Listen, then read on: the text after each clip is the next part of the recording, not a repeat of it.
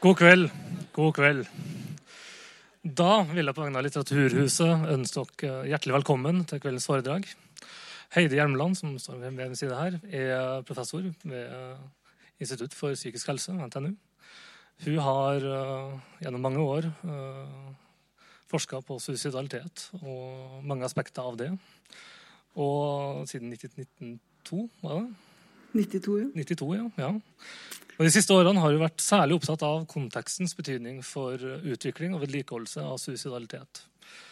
Uh, samt metode- og teoriutvikling i selvmordsforskninga. Hun vil i kveld presentere sin forskning for oss, men først skal jeg gi litt praktisk informasjon. Vi har fire nødutganger i kveld. Tre av dem er bakerst i lokalet, og én er fremst, hvor dere kom inn. Uh, vi har også salg av uh, litt drikke og noe bit i for den som ønsker det, av arvesølvet, som står lokalisert bakerst i lokalet. Uh, toalett finner dere nederst i barneavdelinga til høyre.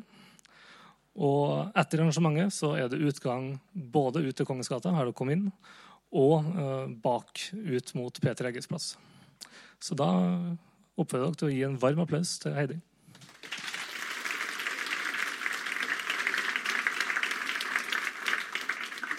Takk for det, og god kveld. Det er jo helt fantastisk å se at det er så mange som er interessert i dette temaet. Og jeg vil starte med å berømme Litteraturhuset for å sette denne problematikken på dagsorden. Vi mangler faktisk fora for en faglig debatt om dette temaet og andre temaer innenfor selvmordsforebygging. Dette er et felt med dels stor faglig uenighet. Men vi har få eller ingen arenaer for åpne faglige debatter. Og Det skulle faktisk egentlig ha vært en debatt her i dag også. Men det var ingen av dem som var uenige med meg, som ville stille opp. Så da blir det for å debattere litt med meg sjøl, kanskje. Vi får se.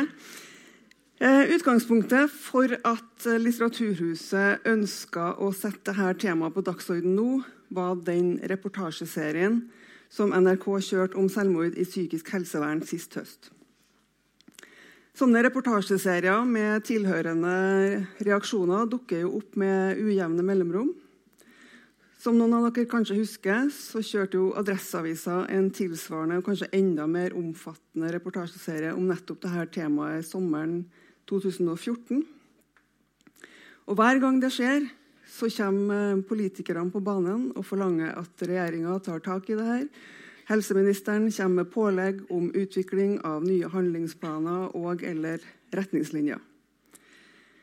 I kjølvannet av sånne reportasjeserier så går flere fagfolk ut og oppfordrer helsemyndighetene til å tenke nytt.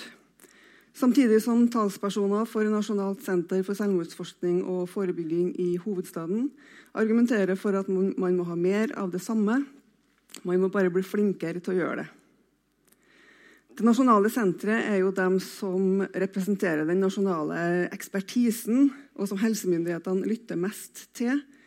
Mens vi etter hvert ganske mange som argumenterer for nytenkning, opplever å ikke bli hørt. Dette gjentar seg, samtidig som omtrent like mange mennesker hvert år tar sitt liv mens de er under behandling i psykisk helsevern eller kort tid etter utskriving derfra. Dette dreier seg om ca. 200 selvmord hvert år, som altså skjer etter kontakt med psykisk helsevern, hvorav rundt 25 personer hvert år tar sitt eget liv mens de er innskrevet i psykisk helsevern. Selvmord i psykisk helsevern er et tema som berører eller involverer mange ulike grupper. Grupper som til dels står mot hverandre, men hvor det i tillegg også kan være stor uenighet innad i hver av gruppene. Først og fremst har vi jo dem det her gjelder, nemlig pasienter i psykisk helsevern som har gjort selvmordsforsøk eller er i alvorlig selvmordskrise. Dette er jo en svært heterogen eller mangfoldig gruppe. Suicidaliteten kan handle om mange svært ulike ting for forskjellige personer. Og Det er et viktig poeng som jeg kommer tilbake til. Så har vi de pårørende og etterlatte ved selvmord, som jo naturlig nok reagerer svært sterkt på at deres kjære tok sitt eget liv på det stedet der de hadde forventa at de skulle være trygge og bli passa på. Så har vi fagfolk av ulike slag. Og dette er også et fagfolk med til dels stor og uttalt faglig uenighet, som nevnt.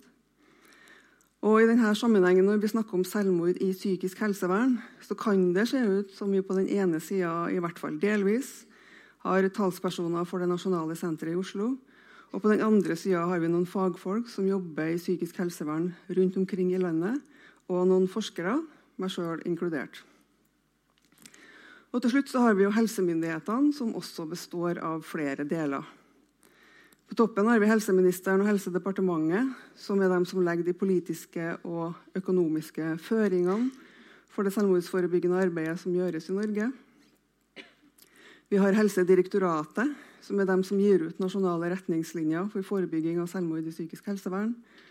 Og så har vi Helsetilsynet og fylkesmennene, som er tilsynsmyndighet, og som kommer inn og gransker sakene når det har skjedd selvmord i psykisk helsevern. Selvmord er jo i seg sjøl et svært komplekst og kontekstuelt fenomen. Og et av mine mål her i dag er å forsøke å få frem nettopp noe av denne kompleksiteten, og hva det betyr for forebygging av selvmord. Egentlig er det en umulig oppgave innenfor en tidsramme på en times tid. Men det jeg vil gjøre, er å se nokså kritisk på noen etablerte sannheter i anførselstegn, og så skissere noen alternative måter å se ting på som utgangspunkt for diskusjon.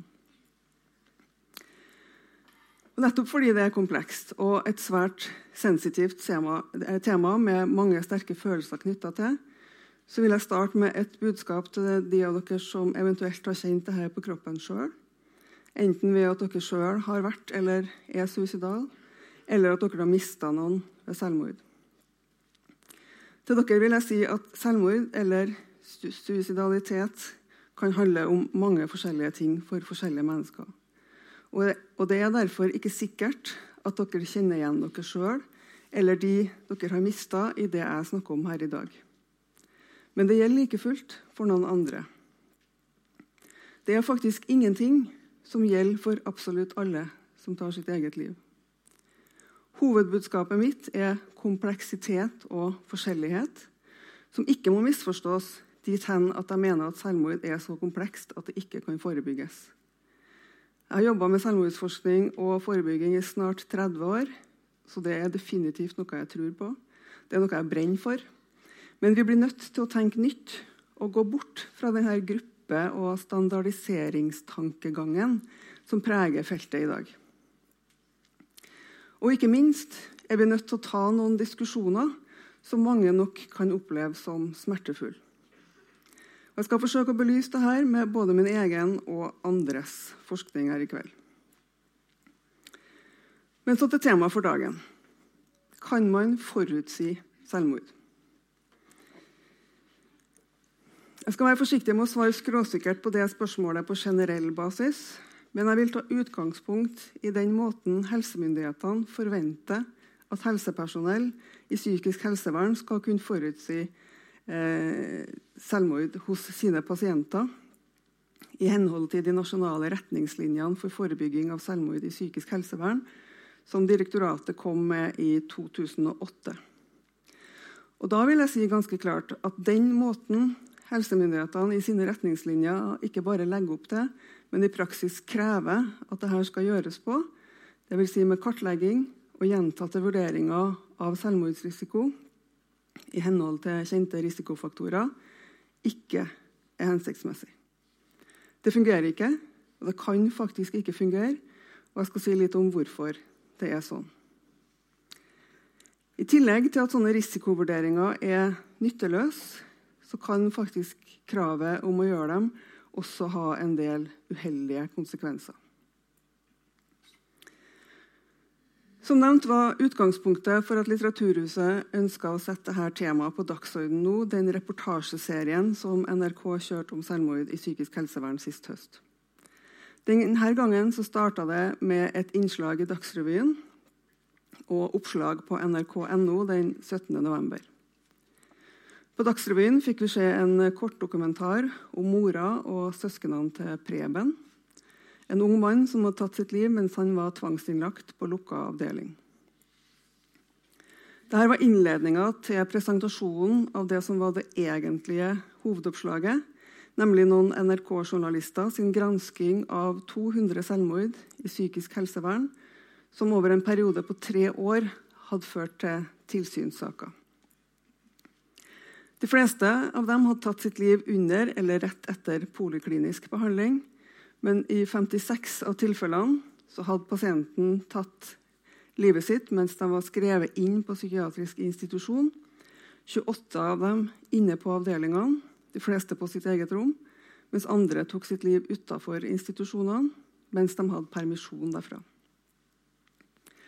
Journalistene spør hvordan det er mulig at pasienter innskrevet i psykisk helsevern, til og med på lukka avdeling, der sikkerheten antas å være størst, kan ta sitt liv. Hovedfokuset i det som etter hvert ble en reportasjeserie med mange innslag, både på Dagsrevyen, på nrk.no og i andre medier, er at i nesten halvparten av tilfellene så har statlige sykehus og klinikker brutt loven i behandling av pasienten. Journalistene pekte på fire typer lovbrudd. Det ene var dårlige eller manglende risiko, selvmordsrisikovurderinger. Det andre var manglende kontinuitet i pasientbehandlinga. Det tredje var feil på utredning eller diagnostisering av pasientene. Og det fjerde var feil eller mangler i pasientjournaler. Manglende sikring i form av at det var gjenstander som kunne brukes til å ta sitt liv tilgjengelig på avdelingene, ble etter hvert et hovedfokus i media. Eksempler som ble nevnt, var skolisser, belter, gitarstrenger, snorer det hang pepperkaker i, osv. Journalistene peker så på at lovbruddene skjer gang på gang, og at de ikke får noen konsekvenser, og at institusjonene dermed ikke lærer av feilene sine. De konkluderer med at det er disse lovbruddene som citat, kan forklare den dystre selvmordsstatistikken i psykiatrien. Dette utløser et skred av reaksjoner. Etterlatte er naturlig nok både fortvilt og rasende over at helsevesenet ikke greide å forhindre selvmordene. Det at fokuset i oppslagene er på gjentatte lovbrudd, gjør det jo for dem ekstra uforståelig og fullstendig uakseptabelt. Og de forlanger at helsevesenet tar ansvar. Samtidig går en rekke fagfolk fra nettopp psykisk helsevern ut og sier at det er umulig for dem å forutsi selvmord hos sine pasienter. Noen etterlatte svarer med å avskrive dette som bortforklaringer og ansvarsfraskrivelse. Og Klinikerne sine argumenter for hvorfor det er umulig å forutsi enkeltselvmord, blir samtidig arrogant avfeid av direktøren for Helsetilsynet, Jan Fredrik Andresen, som er ute med pekefingeren på NRK, altså bokstavelig talt, det er sånn han blir eh, avbilda, og viser til at fagfolkene har vær så god å forholde seg til de nasjonale retningslinjene. Hovedfokuset hans er på risikovurderinger og sikringstiltak. Også helseministeren kommer på banen og sier at han ikke er fornøyd. Kaller de ansvarlige inn til møte, krever tiltak og at man forholder seg til retningslinjene. Talspersonen for det nasjonale senteret, Fredrik Valby, er ute i media både før og etter denne reportasjeserien og sier at svaret på selvmord i psykisk helsevern er bedre selvmordsrisikovurderinger, mer og bedre sikring, og bedre diagnostisering og behandling av den såkalte grunnlidelsen, dvs. Si den psykiske lidelsen som antas å være årsaken til selvmordene. Han sier sågar at citat, det er de psykiske sykdommene som først og fremst dreper. Og Det er det mange som reagerer på, og oppslagene fortsetter. Men la oss se på hva forskning sier om disse tingene. Altså om selvmordsrisikovurderinger, om sammenhengen mellom psykiske lidelser og selvmord, og om sikringstiltak.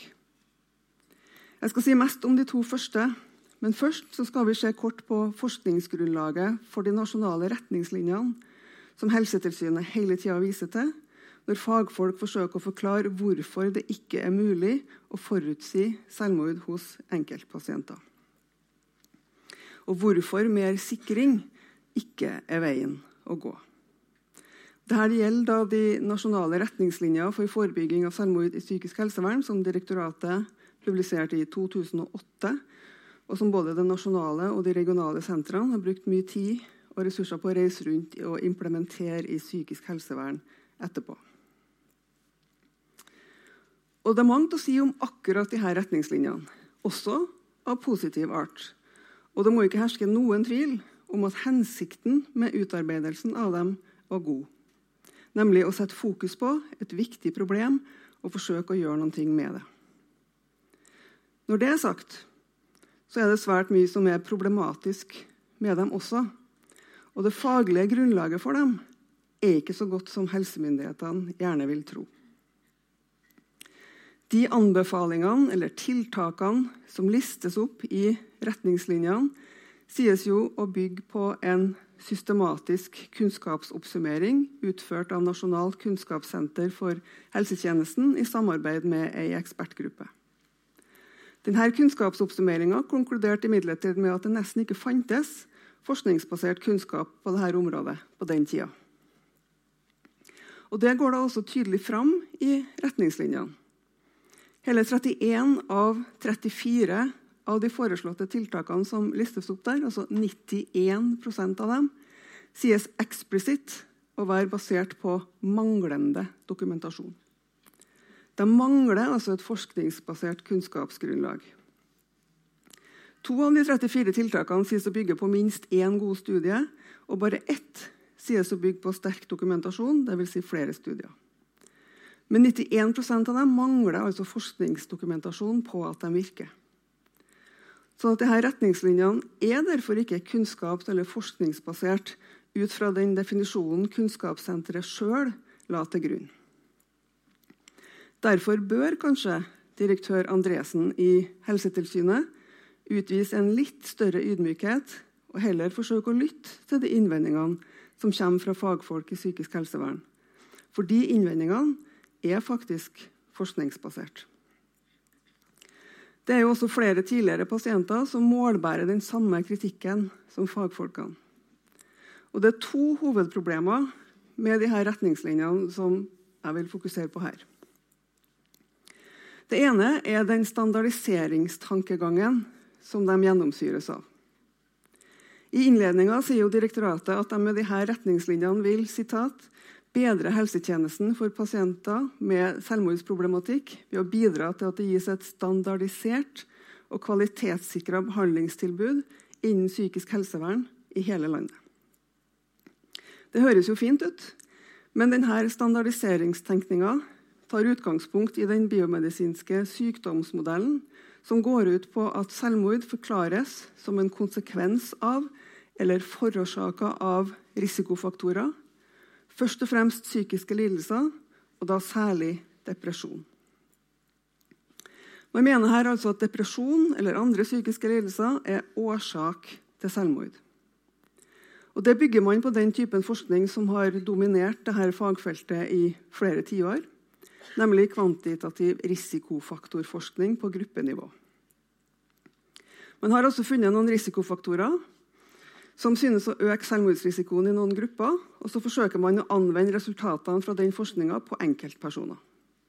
Og Det gjør man vel vitende om at det man finner i forskning på store grupper, faktisk ikke har særlig stor nytteverdi når det gjelder hvordan man skal møte enkelte mennesker. I forskning på grupper er det ikke rom for å se det enkelte individ.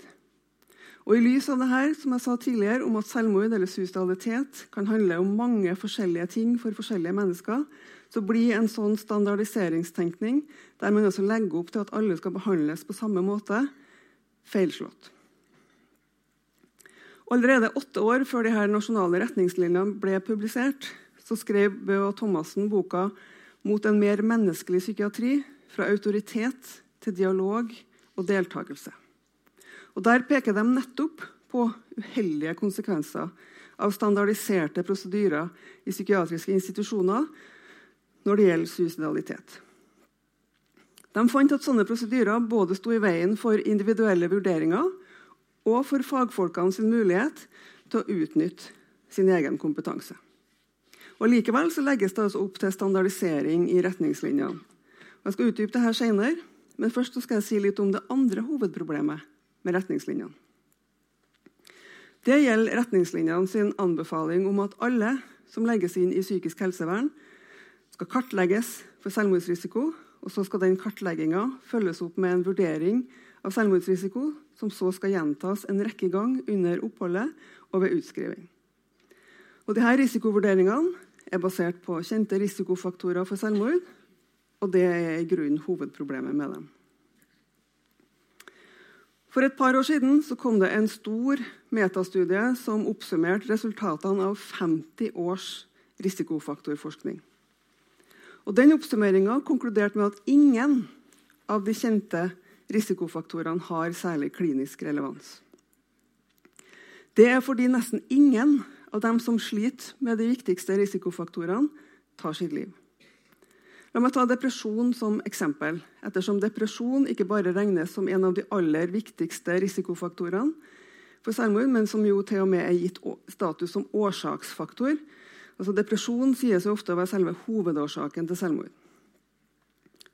Men det er faktisk bare omtrent 3% av de som har en depresjonsdiagnose, som tar sitt eget liv. Og Det betyr da samtidig at 97% av dem, altså nesten alle, ikke tar sitt liv. Og Bare det i seg sjøl burde jo være en klar demonstrasjon av at selvmord handler om noe mer, kanskje også noe helt annet enn psykiske lidelser. Mennesker er ikke mekaniske maskiner som reagerer automatisk på noen risikofaktorer ved å ta sitt liv. Mennesker er komplekse, intensjonale, meningssøkende, reflekterende, emosjonelle og relasjonelle skapninger som hele tida er utsatt for og påvirka av et uendelig stort antall konstant skiftende faktorer og tilfeldige hendelser i konstellasjoner som er unike for hvert individ i sin kontekst eller sine omgivelser. De aller fleste som strever med de vanlige risikofaktorene, tar ikke sitt liv. Derfor blir det umulig å bruke forskning som er gjort på store grupper, til å forutsi selvmord på individnivå. Depresjon og andre psykiske lidelser sier i seg sjøl lite om selvmordsrisiko. Selvmord handler altså ikke om risikofaktorene i seg sjøl, men om hva de eventuelt betyr for den enkelte i samspill med andre faktorer i kontekst, dvs. Si i omgivelsene der folk lever sitt liv. Og Hva sier så forskninga som har sett direkte på sånne risikovurderinger? Jo, Den sier klart og tydelig at sånne risikofaktorbaserte selvmordsrisikovurderinger har veldig liten prediktiv verdi. Dvs. Si at de er dårlig egnet til å forutsi selvmord hos enkeltpasienter. Det er så godt som umulig å forutsi så sjeldne hendelser som selvmord jo tross alt er i den store sammenheng. Som jeg sa tidligere, så har ca. 200 av dem som tar sitt liv eh, hvert år i Norge, vært i kontakt med psykisk helsevern. Og 200 er jo i seg sjøl et svært høyt tall. Men når vi samtidig vet at psykisk helsevern hvert år har nesten 200 000 pasienter, så betyr det jo at én av 1000 av disse pasientene tar sitt liv i løpet av et år. Så jobben blir altså å finne ut av hvem denne ene av 1000 pasienter er, og det sier seg jo sjøl at det er vanskelig. For de aller fleste av dem sliter nok med opptil flere av de vanlige risikofaktorene. Forskninga viser også at vi ikke har noe kunnskapsgrunnlag for at intervensjoner eller tiltak basert på sånne risikovurderinger forebygger selvmord. Og at sånne risikovurderinger dermed utgjør et dårlig grunnlag for kliniske beslutninger. Suicidalitet er ikke noe enkelt eller håndfast eller konstant, men noe som er flytende, komplekst og mangefasettert, i den forstand at selvmordstanker kan komme og gå i sterkt varierende alvorlighetsgrad, avhengig av hva som skjer rundt og med personen i denne personens omgivelser. La meg ta et litt forenkla eksempel for å illustrere det. Så la oss si Vi har en ung dame som er innlagt i psykisk helsevern. og Så er det spørsmål om hun kan reise hjem på permisjon i helga. Psykologen foretar da forskriftsmessig en risikovurdering og konkluderer med at selvmordsrisikoen er lav. Og La oss si at den vurderinga var riktig på det tidspunktet den ble foretatt. På bussen hjem møter hun den mannen som har forgrepet seg seksuelt på henne gjennom hele barndommen og ungdommen. Det er vel ikke usannsynlig at det gjør noe med selvmordsrisikonivået. Og Dette var jo ikke noe psykologen hadde mulighet til å forutse. Så det er altfor mange faktorer i et menneskes liv som helsepersonell ikke har mulighet til å kontrollere. Forskninga har vist at de aller fleste selvmord 60-86% av dem skjer i den gruppa som ble vurdert å ha lav risiko. Og Det sier jo noe om hvor liten verdi sånne risikovurderinger faktisk har. Det å forsøke å predikere eller spå om selvmord på den måten som retningslinjene legger opp til, er så godt som umulig. Og det er dermed urimelig å forvente at behandlere skal kunne forutsi hvem av sine pasienter som er i størst fare for å ta sitt liv, basert på sånne. Dermed blir det også ganske håpløst av helsemyndighetene å forklare selvmord med at det ikke var foretatt en god nok risikovurdering. Og ikke bare har sånne risikovurderinger liten nytteverdi. Et overdrevent fokus på dem har også noen uheldige konsekvenser. En overdreven tro på sånne risikofaktorbaserte selvmordsrisikovurderinger har jo, som jeg nettopp har om, skapt en forventning om at klinikere er i stand til å klassifisere sine pasienter i henhold til om de har lav, middels eller høy risiko for selvmord. Og så sette i verk tiltak ut fra sånne vurderinger. Og Dette har i sin tur skapt den oppfatning blant pårørende, helsemyndigheter og kanskje folk flest at når noen tar sitt liv i psykisk helsevern, så skyldes det manglende eller dårlige risikovurderinger. Det så vi mange tydelige eksempler på i NRK sin reportasjeserie. Og Det er jo nettopp det Helsetilsynet også konkluderer med i mange av sine tilsynssaker. Og så blir det forklaringa på selvmordet. Men så har vi etter hvert hørt mange eksempler på at helsepersonell ikke syns de har blitt noe bedre til å vurdere selvmordsrisiko, til tross for at de kan prosedyrene i retningslinjene utenat og faktisk følger dem. Og Forskninga støtter jo opp om det som helsepersonell her sier. For den sier jo at sånne eh, risikovurderinger er verdiløse, og at de dermed egner seg dårlig som grunnlag for kliniske beslutninger. Men fokuset på risikovurderinger har da skapt en fryktkultur blant helsepersonell. Fordi man er opptatt av å stille noen til ansvar når en pasient tar livet sitt. Fagfolk blir da mer opptatt av å beskytte seg sjøl og institusjonen mot negative konsekvenser enn av å imøtekomme pasienten sitt behov.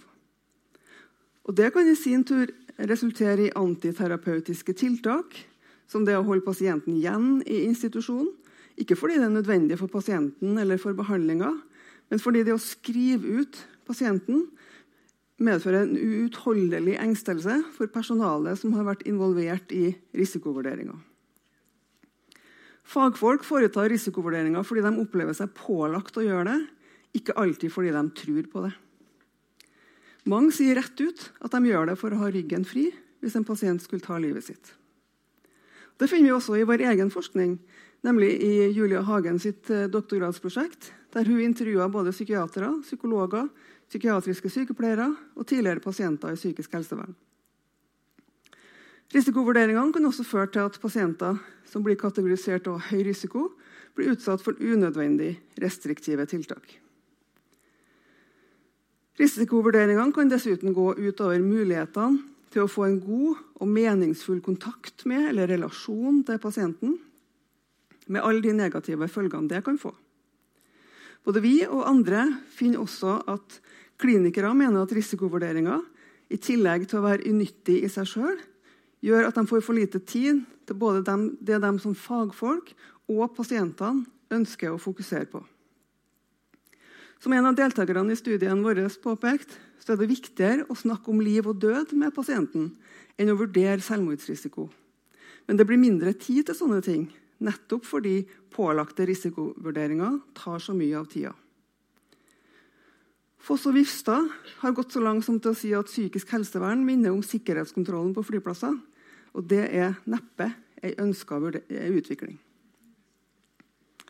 I et debattinnlegg i Psykologtidsskriftet så stiller psykolog Sivert Strømme følgende spørsmål. Hva ville den selvmordsforebyggende effekten av alternativ tidsbruk vært? Han hevder at de nasjonale retningslinjene skremmer fagpersoner til disiplin, og spør om man ikke heller bør fokusere på det pasientene ønsker å få hjelp til, fremfor å bruke mesteparten av tida på risikovurderinger, sånn som beskrevet retningslinjene. Det synes jeg faktisk er et ganske viktig spørsmål som helsemyndighetene godt kunne ta inn over seg. Retningslinjene sitt fokus på standardisert kartlegging, vurdering, håndtering og dokumentasjon av selvmordsrisiko bidrar til at blikket for det individuelle svekkes noe som igjen betyr at retningslinjene også kan stå i veien for bruker- eller førstepersonsperspektivet.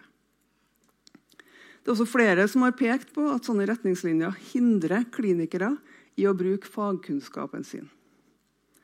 Jeg hørte også nylig fra Mental Helse at de blir kontakta av folk som føler seg avvist i psykisk helsevern, fordi psykiateren eller psykologen starter den første samtalen med å vurdere selvmordsrisikoen etter et skjema fremfor å høre på hva vedkommende strever med og ønsker å snakke om. Og Der er det også flere tidligere pasienter som har vært ute og sagt i media. Basert på sin omfattende forskning på dette, så sier de to australske psykiaterne Large og Ryan eksplisitt at selvmordsrisikovurderinger ikke har noen nytteverdi, og at klinikere må slutte å karakterisere psykiatriske pasienter i henhold til nivået av selvmordsrisiko, og at helsemyndigheter må trekke tilbake eksisterende retningslinjer som krever sånn selvmordsrisikokategorisering. Så det er all grunn til å revurdere nytteverdien av både retningslinjene og de standardiserte risikovurderingene som de legger opp til. Det er det mange som har argumentert for over flere år nå, basert på både forskning, på klinisk erfaring og på pasienterfaring, men helsemyndighetene ser ikke ut til å være særlig villige til å lytte.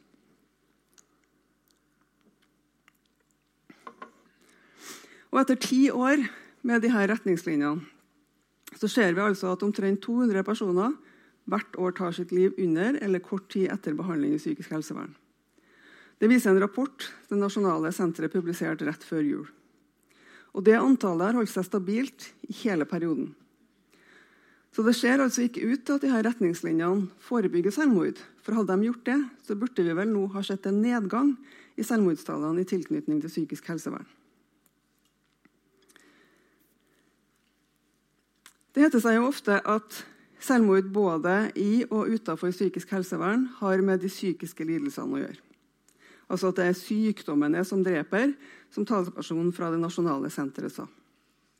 Men det kan jo like gjerne ha å gjøre med den behandlinga man fikk eller ikke fikk mens man er eller var innlagt. Og Det må vi begynne å se på nå. Og Da må helsemyndighetene ta de innvendingene som kommer fra både pasienter og fagfolk i klinikken, på alvor. Og Det neste temaet jeg skal si litt om, er nettopp sammenhengen mellom psykiske lidelser og selvmord. For det hevdes jo til stadighet både i faglitteratur og i media, og særlig fra det nasjonale senteret, at minst 90% av dem som tar sitt liv, hadde minst én diagnostiserbar psykisk lidelse på dødstidspunktet. Og så trekkes det en årsakssammenheng her. Der man altså påstår at den psykiske lidelsen da var selve årsaken til selvmordet. Dette kalles ofte for 90 %-sannheten. i anførselstegn. Og Ut fra dette er da diagnostisering og behandling av psykiske lidelser trukket frem som det viktigste selvmordsforebyggende tiltaket. På Dagsrevyen den 19. november sa jo som nevnt tidligere talspersonen for det nasjonale senteret Fredrik Valby, at det er sykdommene som først og fremst dreper. Men det har han faktisk ikke faglig belegg for å si. Selvmord er en bevisst, intensjonal handling. Det er mennesker med sine livserfaringer og problemer som tar sitt liv, og ikke en sykdom som tar livet av dem. Psykiske lidelser er dessuten ikke sykdommer i egentlig forstand. Og kunnskapsgrunnlaget for den såkalte 90 %-sannheten er også høyst tvilsomt. Fordi den bygger på studier som ikke holder forskningsmetodisk mål. Jeg skal si litt om begge deler, og jeg starter med Valby sitt utsagn om at det er sykdommene som dreper. Men psykiske lidelser er altså ikke klart definerte sykdommer med objektive biologiske kriterier på linje med somatiske eller kroppslige sykdommer. De er basert på lister av symptomer som psykiatere og psykologer er blitt enige om, og som dessuten endres for hver versjon av diagnosemanualene, som vi for øvrig også har to forskjellige av. Og at en sammensetning av symptomer noen har blitt enige om, skal ha et biologisk grunnlag, er jo også i utgangspunktet en litt merkelig tanke. Diagnosene er ikke noe annet enn sosiale konstruksjoner. Noen har til og med kommet inn i eller tatt ut av diagnosemanualene etter avstemning blant dem som har utarbeidet dem. Da sier det seg sjøl at vi ikke har med objektive sykdommer å gjøre. Men her vet jeg så av erfaring at det er viktig å understreke at det ikke er folks psykiske problemer som er sosiale konstruksjoner. De er i aller høyeste grad reelle. Men det er diagnosene, eller de merkelappene, med sine tilhørende lister av symptomer, som er sosiale konstruksjoner. Og Det er også grunnen til at man helst å omtale dette som psykiske lidelser og ikke sykdommer, selv om jo da enkelte later som om dette er sykdommer. Dette handler om politikk og definisjonsmakt, og om en agenda for å kjøre fram diagnostisering og behandling av psykiske sykdommer i som det viktigste selvmordsforebyggende tiltaket. Noe faglig grunnlag for å snakke sånn har de altså ikke. Diagnosene er basert på lister av symptomer noen psykiatere og psykologer er blitt enige om. For å få en alvorlig depresjonsdiagnose for eksempel, så må man ha minst fem av en liste på ni symptomer. Det betyr at samme lidelse kan se forskjellig ut for ulike personer, fordi de kan ha ulike symptomsammensetninger. Og Selv om symptomene skulle være de samme, så er det jo ikke sånn at personer med de samme symptomene nødvendigvis kommer fra de samme underliggende problemene. Symptomene sier jo ingenting om hvorfor personen har fått de her symptomene, hva som er årsaken til dem. Psykiatriske diagnoser reduserer dermed stor kompleksitet i et menneskes liv til noen få karakteristika hos den som blir diagnostisert. Det er problematisk i seg sjøl, men det er ekstra problematisk i forbindelse med suicidalitet. Depresjon eller andre psykiske diagnoser sier i seg sjøl ingenting om suicidalitet eller selvmordsrisiko. Og Dermed gir de heller ikke et godt nok grunnlag til å håndtere eller vurdere nettopp suicidalitet hos enkeltpersoner. Som Einar Plyn skrev i en kronikk i Psykologtidsskriftet nylig sitat, ved å redusere pasientens sammensatte liv og personlighet til en antatt grunnlidelse basert på noen få symptomer, er sannsynligheten stor for at de psykiatriske diagnosene filtrerer bort det meste av pasientens levde liv som kan forklare selvmordsfaren. Og Dermed kan det bære riktig galt av sted hvis man tror at psykiatriske diagnoser gir anvisning for god selvmordsforebygging. Han illustrerer det problematiske ved dette ved å bruke sin egen kone som eksempel. Hun tok sitt eget liv få dager etter at hun ble utskrevet fra døgnavdeling i psykisk helsevern, etter at hun hadde vært innlagt der i sju uker i forbindelse med et alvorlig selvmordsforsøk. Hun hadde ingen forhistorie med psykiske problemer, men fikk et sammenbrudd utløst av konkrete psykososiale hendelser på jobben. Journalen hennes dokumenterer at disse hendelsene ikke hadde vært noe tema i behandlinga av henne. Faktisk dokumenteres det i journalen at behandlerne nesten ikke snakka med henne i løpet av de sju ukene hun var innlagt. De hadde diagnostisert henne som alvorlig deprimert og behandla henne med antidepressiva og etter hvert også elektrosjokk. Plyn skriver at hun sjøl hadde opplevd sin smerte og krise som et eksistensielt sammenbrudd som handla om alt som var viktig for henne i livet nemlig familie, venner, jobb, arbeidskolleger og egentlig selve livet. Og Det ble altså diagnostisert som depresjon, og etter behandlinga av dem, som altså da var med antidepressiva og elektrosjokk, så ble depresjonen sett på som en hjernesykdom som skulle behandles med kjemiske og mekaniske midler. Det er jo i seg selv interessant at tilstander man ikke har greid å finne noe biologisk grunnlag for, behandles med biologiske virkemidler. Ingen snakka med henne om det som hadde utløst den eksistensielle krisen. Så ikke bare fikk hun ikke adekvat hjelp, men behandlinga hadde også gjort henne mye dårligere. Plyn sier at behandlerne altså hadde omdefinert hennes eksistensielle smerte til hjernesykdom, for deretter å svekke hennes muligheter for å komme seg ved å utelukkende gi henne biologiske intervensjoner som sløva tankene, følelsene og initiativet hennes, og bare bidro til å øke hjelpeløsheten og håpløsheten. Etter at hun hadde tatt sitt liv, rett etter at hun var utskrevet fra psykisk helsevern, så klaga Plyn på behandlinga som han mente hadde vært uforsvarlig. Han fikk ikke medhold. Helsetilsynet mente at behandlinga var i tråd med norsk standard i henhold til retningslinjene for behandling av den såkalte grunnlidelsen. Og som Plyn da sier, både klinikken og Helsetilsynet mente åpenbart at det var den diagnostiserte grunnlidelsen som drepte henne. Noe som da er helt i tråd med det talspersonen for eh, det nasjonale senteret hevder. Psykiater Trond Orre kom nylig ut med en bok som heter 'En mindre medisinsk psykiatri'. Og Der skriver han at det er et stort problem at psykiatere slår opp i bøker, altså i diagnosemanualer, i stedet for å spørre personen sjøl hva som er galt. Gjør man det siste, så vil man få høre om mye som er problematisk i omgivelsene eller konteksten til personen, noe man ikke finner noe som helst om i symptomlistene i diagnosemanualene, eller det Orre kaller den diagnostiske hengemyra. Vi har lest om mange tilsvarende historier som den Einar Plyn fortalte om sin kone i media i løpet av de siste årene. Vi har også etter hvert fått en god del forskning som viser at det er mye mye større sannsynlighet for at det er noe feil i omgivelsene til en person, enn at det er noe feil i eller med personen som fører til selvmord. Jeg skal snart gi dere noen eksempler, men først skal jeg si litt om kunnskapsgrunnlaget for den såkalte 90 %-sannheten. Altså at det at omtrent alle som tar sitt liv, har en psykisk lidelse, og at det er det som er årsaken til selvmord. Kunnskapsgrunnlaget for 90 %-sannheten består hovedsakelig av en lang rekke såkalte psykologiske autopsi- eller obduksjonsstudier der man basert på intervjuer med én eller et par etterlatte har stilt psykiatriske diagnoser på avdøde, ofte flere år etter selvmordet. Sammen med noen kollegaer har jeg gått gjennom de spørsmålene som man stiller til etterlatte i sånne diagnostiske intervjuer, som også da er lista med symptomer. Og Da blir det fort klart at mange av dem slett ikke kan besvares pålitelig av andre enn den som skal diagnostiseres. Spørsmålene dreier seg jo for en stor del om hva avdøde hadde tenkt og følt. Og det er jo umulig å vite noe sikkert om av andre.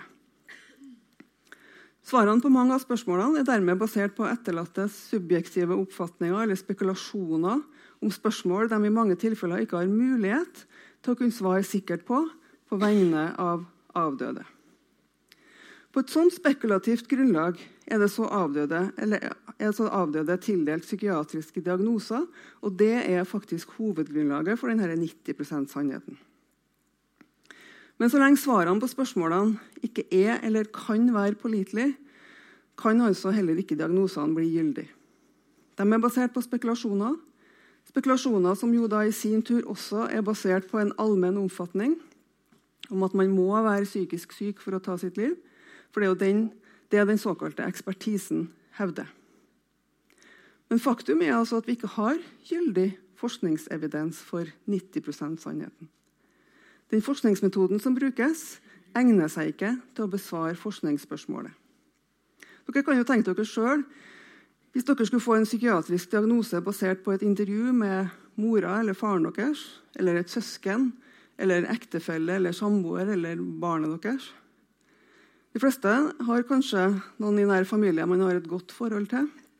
Mens andre, for, andre forhold kan kanskje være litt mer trøblete. Og Da kan man jo også tenke seg at man kunne få tildelt ulike diagnoser, alt ettersom hvilket familiemedlem som ble intervjua med et sånt diagnostisk intervju. Jeg hører at noen tenker på det. Vi har også andre typer studier som indikerer at det nok har vært et overdrevent fokus på sammenhengen mellom psykiske lidelser og selvmord. Depresjon antas jo som nevnt å være en av de viktigste risikofaktorene. Og Da er det jo litt underlig at forekomsten av selvmord og depresjon ikke følger samme mønster. Det er jo langt flere menn enn kvinner som tar sitt liv, mens det er langt flere kvinner enn menn som får en depresjonsdiagnose. Så har jeg igjen lært av erfaring at det er viktig nå å understreke at jeg sier ikke at psykiske lidelser ikke har noe som helst med selvmord å gjøre. Mange som tar sitt liv, har antagelig en psykisk lidelse, eller i hvert fall en diagnose. Og det gjelder antagelig de fleste som er innlagt i psykisk helsevern. Men det jeg sier, er at vi ikke har noe forskningsgrunnlag for å si at dette gjelder nesten alle som tar sitt liv. Samtidig som det er viktig å understreke at sjøl for dem som har en psykisk lidelse, er det slett ikke sikkert at selvmordet handler om den. Som jeg nevnte tidligere, er det jo sånn at de aller, aller fleste som strever med de vanlige risikofaktorene, ikke tar sitt liv. Og Det er en klar indikasjon på at selvmord handler om noe mer, kanskje også noe helt annet enn psykiske lidelser. Og Da er jo et relevant spørsmål hva handler selvmord om da, hvis de ikke er forårsaka av psykiske lidelser? Og Det er det selvsagt helt umulig å gi noen inngående gjennomgang av på så kort tid som har til rådighet her. Men i sted så nevnte jeg eksempelet fra Einar Plyn om kona hans, der det dreide seg om en eksistensiell krise utløst av psykososiale hendelser på jobben. Forfatteren Merete Morken Andersen sa en gang at et selvmord er like komplekst som et liv. Og Det som er et hovedpoeng her, er at selvmord må forstås nettopp i et livsløpsperspektiv, og ikke bare forklares ut fra noen nærliggende risikofaktorer. Og De senere årene har vi fått noe forskning som har sett på dette. Det er kvalitative studier der mange etterlatte rundt hvert selvmord får fortelle sin historie med egne ord, og ikke bare svare ja eller nei på diagnostiske spørsmål. Når man f.eks. intervjuer mor, far, søsken, venner, kjærester og ekskjærester eh, etter et selvmord hos unge menn, eksempel, så får man belyst mange flere aspekter ved avdødes liv. Og Da blir bildet faktisk et helt annet. Da viser det seg at det er veldig få som snakker om psykiske lidelser som sentralt for selvmordet. Mange understreker til og med at avdøde hadde ikke vært deprimert. Og Da kommer det i stedet frem forhold i oppveksten og livet for øvrig som hadde ført til en utvikling av suicidalitet eller til en sårbarhet for selvmord. Og Selvmordet framstår da mer som følge av en eksistensiell krise enn av en psykisk lidelse. Det samme finner man i studier der mennesker som sjøl har gjort alvorlige selvmordsforsøk, får fortelle om sin suicidalitet med egne ord. Og Det er et viktig poeng her at selvmord må forstås i lys av hele livsløpet til avdøde. Altså i et utviklings- og relasjonsperspektiv, og ikke bare ut fra noen psykiske lidelser eller andre risikofaktorer rett før selvmordet. En oppsummering av sånne studier viser at selvmord for kan handle om en måte å ta tilbake kontrollen på når man har mista kontrollen over sitt eget liv. Ilde Kjølseth har funnet det når det gjelder eldre mennesker som tar sitt liv. For, eksempel. for noen eldre kan selvmord for handle om hvordan de takler aldersrelaterte funksjonstap mot slutten av et vanskelig liv, der de har vært vant til å takle det meste, sett i sammenheng med hvordan de blir møtt i et helsevesen de etter hvert blir avhengig av. Selvmord kan også handle om at man ikke har greid å få kontroll i livet sitt, noe undersøkelser om selvmord blant unge menn har funnet. Selvmord er f.eks. funnet å være en måte å unnslippe uhåndterlige omstendigheter eller forventninger på. Man har kanskje opplevd å ikke greie å leve opp til verken sine egne eller andres forventninger. Mange studier rundt omkring i verden, også i Norge, et av Mette Lyberg Rasmussen f.eks., har funnet at selvmord kan ha med maskulinitetsproblematikk å gjøre. Altså en, at Måten å være si, ordentlig mann på er definert innenfor altfor trange rammer. Og så greier man ikke å leve opp til de standardene som er satt. Mange studier har funnet at selvmord er en relasjonell og ikke en individuell handling. Og faktisk kan selvmord forstås som en måte å kommunisere på at man har det forferdelig vanskelig, når man ikke når gjennom med å si fra om det her med ord. Man har kanskje forsøkt å si fra om det lenge, både til familie, venner og helsepersonell, men opplevd å ikke bli sett, hørt eller forstått. Selvmord kan i noen tilfeller også dreie seg om en desperat protest eller opprør mot misbruk og undertrykkelse i familien eller i samfunnet. Fra England har vi forskning som viser tydelig hvordan strukturelle eller politiske faktorer bidrar til selvmord. Der mange som fikk økonomiske problemer etter finanskrisen, ble møtt av et fiendtlig velferdssystem, der noen som søkte om økonomisk bistand, ble direkte spurt om hvorfor de ikke bare tok livet sitt. For de var jo bare en byrde for systemet. Så Dette er noen eksempler på hva selvmord kan handle om. Der det også blir tydelig at det er forhold i omgivelsene som spiller den viktigste rollen for utvikling av suicidalitet. Og at det dermed blir uholdbart å redusere dette til bare noe som handler om psykiske lidelser. Å redusere selvmordsforebygging til hovedsakelig å handle om diagnostikk og behandling av psykiske lidelser og risikovurderinger er derfor ikke særlig fruktbart. Flere studier viser at folk faktisk kan oppleve det som krenkende. For det handler jo i bunn og grunn om hvor man legger ansvaret for suicidaliteten. Forskning viser at det oppleves dehumaniserende og bidrar til å marginalisere pasienter, noe som jo i sin tur kan bidra til å øke heller enn å redusere selvmordsfaren.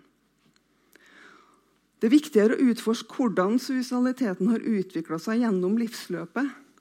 For noen i en trøblete familiekontekst, for andre i andre relasjonelle, sosiale eller samfunnsmessige kontekster. Vi må også se på hvilke problemer eller livsopplevelser som bidrar til den fortvilelsen, smerten, håpløsheten og desperasjonen som gjør at selvmord oppleves som den beste eller til og med den eneste løsningen for den enkelte. Jeg nærmer meg slutten her, men jeg vil kort nevne noen problematiske sider knytta til økt sikring i psykiatriske institusjoner, ettersom det var et så stort fokus på det i NRK sin reportasjeserie. Det vil f.eks. dreie seg om å fjerne alle tenkelige gjenstander som kan tenkes brukt til å ta sitt liv. Som flere av fagfolkene som gikk ut mot NRK sitt fokus på lovbrudd i reportasjeserien har påpekt, så kan for voldsom sikring være direkte antiterapeutisk. Psykologspesialist Tormod Stangeland sier at den hjelpa psykisk helsevern kan gi, er å sette folk i stand til å takle egne følelser og at citat, det å sperre folk inne og ta fra dem alle ting er det motsatte av å hjelpe folk. Ved å ta fra folk alt er signalet at de ikke klarer å ta vare på seg sjøl, og de fratas verdigheten. Å stoppe folk fra selvmord er en kortsiktig og krenkende intervensjon som få vil ha, og på lang sikt er sånn behandling skadelig, sier Stangeland. Og I en kronikk som han har skrevet sammen med flere kolleger, så viser de til forskning som har funnet at avdelinger med høyt fokus på sikkerhet ikke beskytter bedre mot selvmord enn andre avdelinger. Og at vi har forskning som viser at citat, vennlige omgivelser, menneskelige relasjoner og meningsfull aktivitet demper selvmordstanker. Nå bygges det såkalt selvmordssikre sykehus rundt omkring. Der er det nakne rom uten bilder på veggene. Det er litt vanskelig å se for seg hvordan noen skal bli mindre suicidal i nakne og kalde omgivelser, der det er mer fokus på sikkerhet enn på omsorg. Et for stort fokus på sikkerhet kan også være ødeleggende for relasjonen mellom pasient og behandler, fordi det kan oppleves krenkende og fremmedgjørende. Som Stangeland og kollega sier, sitat, den beste behandlinga vi har mot selvmordsfare, er det stikk motsatte av å sperre folk inn og ta fra dem ansvar. Vi hjelper ikke bare ved å holde folk i live, vi hjelper ved å gi folk troa tilbake på at de kan klare å leve livet sitt. Og Spørsmålet er jo hva slags psykisk helsevern vi ønsker. Når vi har sett hvor liten nytte vi har av risikovurderinger, så innebærer det at sikringstiltak må settes inn mot alle pasientene for sikkerhets skyld. Fordi vi vet ikke hvem av dem som har høy eller lav risiko. Og Det er jo nettopp det talspersoner for helsemyndigheter og det nasjonale senteret sier at man må gjøre, der de vil overføre erfaringer fra trafikksikring til sikring i psykisk helsevern. Men hvis sånne sikringstiltak oppleves krenkende, dehumaniserende og fremmedgjørende, særlig for dem som opplever at de ikke trenger å bli utsatt for sikringstiltak, så kan man vel lett forestille seg at de kan ha motsatt effekt enn det som er meninga. Altså at de vil øke selvmordsfaren fremfor å minske den. Fordi håpløsheten bare øker. Nå er det på høy tid å tenke nytt når det gjelder selvmordsforebygging i psykisk helsevern. Det at vi ikke kan forutsi enkeltselvmord, betyr nemlig ikke at vi ikke kan forebygge selvmord. Helsemyndighetene bør ta inn over seg at folk som blir innlagt i psykisk helsevern, kanskje ikke først og fremst ønsker å bli risikovurdert, diagnostisert og sikra, men å bli sett, hørt, forstått og tatt vare på. Og få en nødvendig og hardt tiltrengt omsorg og bli tatt på alvor som de komplekse og sammensatte individene de er, hver med sin spesielle bagasje av problemer. Problemer som har oppstått gjennom deres livserfaringer, i de omgivelsene de har levd, og ikke i deres eget hode. Det sies jo at Psykiatrien alltid har stått i et spenningsfelt mellom kontroll og omsorg. Og I dagens klima kan det se ut som om helsemyndighetene legger for mye vekt på kontrollen på bekostning av omsorgen i det selvmordsforebyggende arbeidet i psykisk helsevern. Det er altså en rekke spørsmål som nå må diskuteres i fagmiljøet og med helsemyndighetene og med pasienter. og Jeg skal avslutte med å skissere noen eksempler på sånne spørsmål. Det første er når risikovurderinga har vist seg å ikke fungere, bør ikke myndighetene da trekke tilbake kravet om å gjøre sånne, sånn som de australske Eh, australske psykiaterne på bakgrunn av sin omfattende oversiktsstudier anbefaler. Fagfolk mener at altfor mye av tida går med til meningsløse risikovurderinger. Bør de ikke heller få lov til å bruke sin fagkunnskap til beste for pasientene? Det fordrer imidlertid at de tilføres relevant kompetanse som går langt utover risikofaktorperspektivet. De må lære om hva suicidalitet kan handle om. Dvs. Si få muligheten til å utvikle en kontekstuell forståelse av selvmord. For å kunne forebygge selvmord må vi jo forstå hva det dreier seg om. Vi har også forskning som viser at helsepersonell gjennomgående har for dårlig kunnskap og kompetanse til å snakke med sine pasienter om eksistensielle spørsmål, f.eks. Og faktum er at svært lite, noen plasser ingenting, har de om selvmord og suicidalitet i grunnutdanningene til leger, psykologer og andre relevante utdanninger både i og utenfor helsevesenet. Det burde kanskje helse, myndighetene gjøre noe med. Og Hvis suicidalitet handler mindre om psykiske lidelser enn det enkelte vil ha det til, og mer om eksistensielle livskriser som følge av de opplevelsene vi har hatt, og det vi har vært utsatt for opp gjennom livet, hvilke følger bør det få for det selvmordsforebyggende arbeidet, både i og utenfor psykisk helsevern. Det er vel nærliggende å tenke at standardiseringstankegang i selvmordsforebygginga ikke er veien å gå for å møte et så komplekst, individuelt og kontekstuelt fenomen som selvmord og suicidalitet er. Vi må ta inn over oss kompleksiteten og slutte å fornekte eller overse den ved å redusere suicidalitet handle om å diagnostisere og behandle psykiske lidelser. Og innse at one size does not fit all. Vi må også ta inn over oss kompleksiteten som er forbundet med selvmord, samtidig som vi må unngå at det oppfattes som at det er så komplekst at det fører til handlingslammelse. Vi må få frem at det tvert imot gir oss mange flere arenaer å jobbe med selvmordsforebygging på, fordi selvmord kan handle om så mange forskjellige ting. Vi må også tørre å diskutere radikale endringer. Fra Det nasjonale senteret har det flere ganger vært hevda at psykisk helsevern er vårt viktigste redskap for å forebygge selvmord. Men er det så sikkert? Er innleggelse, med eller uten tvang, det beste vi kan gjøre for mennesker som tenker alvorlig på eller forsøker å ta sitt eget liv? Kan det tenkes å gjøre mer skade enn gang, i hvert fall i noen tilfeller? Innleggelse redder helt sikkert noen liv, men det kan også være at selve innleggelsen og den behandlinga man fikk eller ikke fikk, kan ha bidratt til noen selvmord. I vår forskning var det en behandler som spekulerte på om pasienten sitt selvmord faktisk var relatert til selve tvangsinnleggelsen og diagnostiseringa, som pasienten ikke hadde akseptert. Behandleren mente at pasienten hadde sett på dette som et overgrep. Large og kolleger i Australia fant også at noen selvmord kunne ha vært inngått hvis personen ikke var blitt innlagt. Det vil si at noen selvmord ble trigga av negative opplevelser i forbindelse med selve innleggelsen.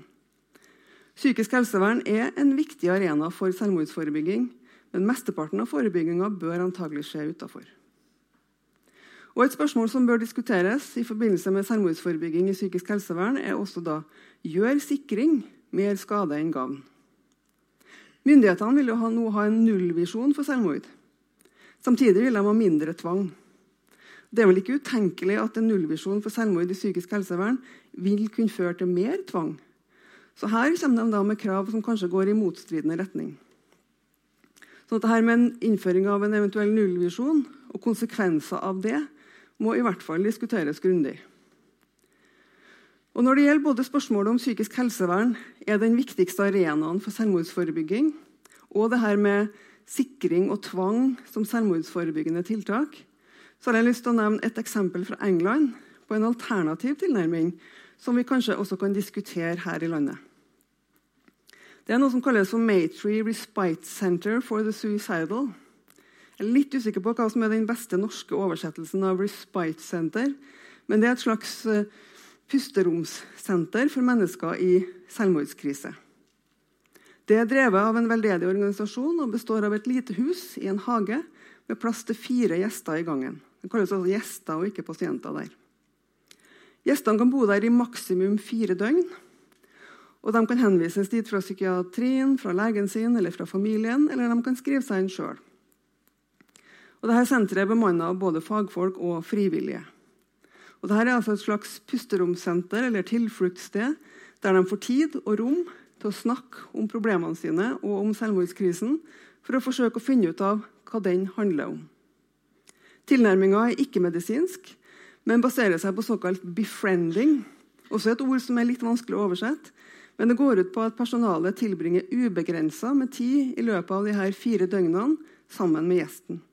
Som da får mulighet til å snakke om akkurat det de har behov for i rolige og avslappende omgivelser. Befriending virker normaliserende og gjenoppretter en positiv mellommenneskelig tilknytning som mange i selvmordskrise jo mangler. De får altså ubegrensa tilgang til å snakke med folk som ivaretar dem og ser på dem som likeverdige mennesker, sånn at de føler seg sett, hørt og forstått.